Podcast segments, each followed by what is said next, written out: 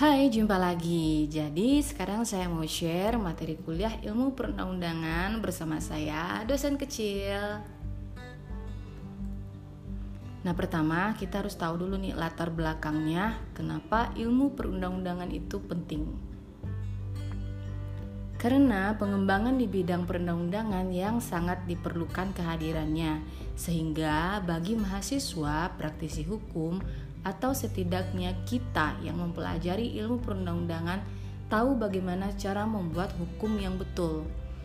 Tujuan dari ilmu perundang-undangan bukan hanya mengacu pada proses pembentukan saja, tapi juga hasil, yaitu aturan yang dihasilkan dari proses tersebut. Alasan selanjutnya kenapa penting? Karena negara yang berdasarkan hukum modern, tujuan utamanya bukan lagi menciptakan kodifikasi, tapi modifikasi hukum. Contoh dari kodifikasi hukum adalah KUHP, KUH Per, KUH Perdata ya, KUHD yang masih digunakan sampai sekarang. Hukum warisan negara jajahan Belanda ini apakah masih sesuai dengan perkembangan masyarakat Indonesia dan apakah sesuai dengan nilai-nilai yang kita anut? Maka dari itu, tujuan ilmu perundang-undangan menciptakan modifikasi, bukan kodifikasi. Apa itu modifikasi? Modifikasi adalah membentuk hukum baru yang sesuai dengan perkembangan masyarakat. Karena pada dasarnya hukum tidak boleh tertinggal dari masyarakat. Selanjutnya, pengertian dari ilmu perundang-undangan. Pengetahuan menurut KBBI yaitu segala sesuatu yang diketahui. Perundang-undangan yaitu segala sesuatu yang bertalian dengan undang-undang. Ilmu pengetahuan perundang-undang mengkaji dua hal, Pertama, ilmu perundang-undangan. Yang kedua, teori perundang-undangan. Ilmu perundang-undangan mempelajari tentang proses pembentukan peraturan perundang-undangan dan bersifat normatif. Teori perundang-undangan adalah ilmu yang mempelajari tentang kejernihan, pengertian, teori yang digunakan, dan pemahaman kognitif. Jadi, ilmu perundang-undangan ini merupakan bagian dari ilmu pengetahuan perundang-undangan karena di beberapa perguruan tinggi membedakan mata kuliah ilmu perundang-undangan dengan teori perundang-undangan. Selanjutnya, nomenklatur perundang-undangan ada dua arti. Yang pertama, proses pembentukan peraturan perundang-undangan negara baik di tingkat pusat maupun daerah. Yang kedua, segala peraturan negara yang merupakan hasil pembentukan peraturan-peraturan negara baik di tingkat pusat maupun di tingkat daerah. Sedangkan pengertian peraturan perundang-undangan menurut Bagirmanan yaitu setiap putusan tertulis yang dibuat, ditetapkan, dan dikeluarkan oleh lembaga atau pejabat negara yang memiliki fungsi legislatif. Nah, sedangkan menurut Undang-Undang Nomor 12 Tahun 2011 Peraturan perundang-undangan adalah peraturan tertulis yang memuat norma hukum yang mengikat secara umum dan dibentuk atau ditetapkan oleh lembaga negara atau pejabat yang berwenang melalui prosedur yang telah ditetapkan oleh peraturan perundang-undangan. Lalu ada ruang lingkup per ruang lingkup ilmu perundang-undangan. Pertama ada proses perundang-undangan, ada metode, lalu ada teknik, pengundangan. Nah, selanjutnya kita akan membahas tentang hubungan negara hukum dan ilmu perundang-undangan. Hubungan negara hukum dan ilmu perundang-undangan, nah ini hubungannya itu sangat melekat sekali ya. Jadi, eh, suatu negara hukum mengharuskan adanya pengakuan baik secara normatif maupun empirik terhadap supremasi hukum yaitu semua masalah diselesaikan dengan hukum sebagai pedoman tertinggi. Dengan demikian, segala aspek kehidupan bermasyarakat, bernegara, berbangsa harus didasari oleh hukum. Artinya, segala tindakan harus sesuai dengan peraturan perundang-undangan. Jadi ya, apabila diibaratkan sholat itu tiang agama, maka kita bisa mengibaratkan peraturan perundang-undangan adalah tiangnya negara hukum, begitu. Nah, yang menjadi pertanyaan adalah peraturan perundang-undangan yang seperti apa yang akan membawa arah negara hukum ini. Oke, mari kita lanjut. Ada 12 prinsip negara hukum menurut Jumli Asidiki.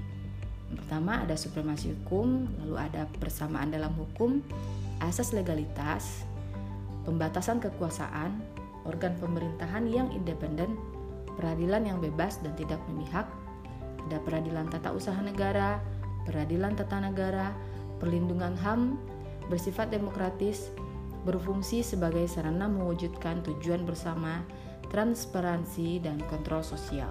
Jadi itu ciri-ciri negara hukum menurut Jumlah Sidiki. Nah sekarang bagaimana ciri-ciri negara hukum menurut uh, perbandingan pandangan dari dua sistem hukum yang dikenal begitu ya yaitu civil law system atau codification law di negara-negara Eropa kontinental dan sistem hukum Anglo-Saxon dari negara yang berbahasa Inggris atau common law gitu. Menurut uh, Frederick Julius Stoll dari Eropa kontinental, ciri negara hukum itu pertama adanya penegakan adanya pengakuan terhadap HAM yang kedua, adanya pemisahan atau pembagian kekuasaan. Yang ketiga, pemerintah berdasarkan peraturan perundang-undangan. Yang keempat, peradilan administrasi dalam perselisihan. Sedangkan menurut Avedaisi dari common law system, negara hukum itu harus memiliki supremasi hukum, kedudukan yang sama di depan hukum atau uh, equality before the law, yang ketiga, adanya jaminan terhadap hak-hak asasi manusia. Nah, lalu apakah Indonesia ini mengikuti sistem hukum Eropa atau Anglo-Saxon? Kenapa saya menanyakan ini? Karena masih banyak mahasiswa, bahkan praktisi, yang mempertanyakan dan membandingkan hal ini. Dalam banyak literatur pun membandingkan dua sistem hukum ini terhadap hukum Indonesia. Jadi maksudnya hukum Indonesia itu termasuk yang mana begitu? Masih banyak sekali perbandingan ya. Jadi jika kita lihat dari sejarahnya Indonesia ini pernah dijajah oleh Belanda yang juga mewarisi hukum uh, kepada Indonesia baik secara proseduralnya maupun substansial. Tapi uh, saya rasa kita tidak memiliki kewajiban untuk mengikuti hal tersebut ya. Indonesia ini harus menyesuaikan sistem yang dirangkum melalui peraturan perundang-undangan dengan kebutuhan sendiri, dengan kebutuhan masyarakat sendiri. Dengan memperhatikan keadilan, kemanfaatan, dan kebergunaan dari hukum itu. Juga memperhatikan tiga pendekatan hukum secara bersamaan. Pendekatan hukum itu secara bersamaan ya, yaitu pendekatan filosofis, empiris dan normatif. Kenapa secara bersamaan? Karena Indonesia itu adalah negara yang masyarakatnya plural gitu ya. Jadi tiga pendekatan tersebut dirangkum dalam peraturan perundang-undangan kita. Nah, pada hakikatnya peraturan perundang-undangan ini merangkai keseluruhan tata hukum, kebutuhan masyarakat dan yang diinginkan untuk kehidupan bermasyarakat bernegara yang lebih baik yang didasari oleh Undang-Undang Dasar 1945 tentunya juga dengan falsafah negara yaitu Pancasila sebagai sumber dari segala sumber hukum. Sehingga peraturan perundang-undangan tersebut bisa membentuk dan sesuai dengan jati diri bangsa. Peraturan pun bisa mengajak, bisa mengarahkan masyarakat kepada arah tujuan hukum tersebut ke arah sistem hukum itu sendiri, yaitu sistem hukum Indonesia. Jadi, jika masih ada yang bertanya, kita ini termasuk hukum sistem hukum yang mana? Jawabannya sistem hukum Indonesia ya. Sistem hukum Indonesia yang dibangun oleh peraturan perundang-undangan. Jadi, ilmu perundang-undangan adalah instrumen untuk membangun sistem hukum Indonesia. Kenapa saya sebut instrumen? Dalam ilmu perundang-undangan, kita tidak hanya mengetahui cara atau proses peraturan perundang-undangan itu dibentuk yang berhubungan dengan tahapannya saja, namun bagaimana juga proses dari pembentukan ini bisa menghasilkan suatu peraturan yang berkualitas. Nah, selanjutnya sifat dari peraturan perundang-undangan. Sifatnya itu ada umum, abstrak, dan terus-menerus. Maksud dari umum abstrak adalah daya ikatnya itu tidak terkait dengan subjek-subjek hukum tertentu, melainkan kepada siapa saja. Contohnya seperti perkataan barang siapa atau siapa saja begitu. Nah, sedangkan yang dimaksud dengan terus-menerus adalah berlaku terus-menerus sampai peraturan tersebut dicabut Selanjutnya ada jenis dan materi muatan peraturan perundang-undangan. Nah, pertama ada Undang-Undang Dasar Negara Republik Indonesia tahun 1945. Nah, konstitusi kita ini berisi ketentuan dasar-dasar pokok ketatanegaraan. Lalu yang kedua ada ketetapan MPR atau MPRS Republik Indonesia. Lalu ada undang-undang yang mengatur ketentuan lebih lanjut dari undang-undang dasar ya, mengatur ketentuan lebih lanjut dari undang-undang dasar dan berisi juga ketentuan yang diperintahkan oleh suatu undang-undang untuk diatur dengan undang-undang. Lalu ada Perpu uh, yang dibentuk oleh presiden dengan syarat adanya kondisi kegentingan memaksa. Bentuknya seperti peraturan pemerintah, tapi isinya sama seperti undang-undang.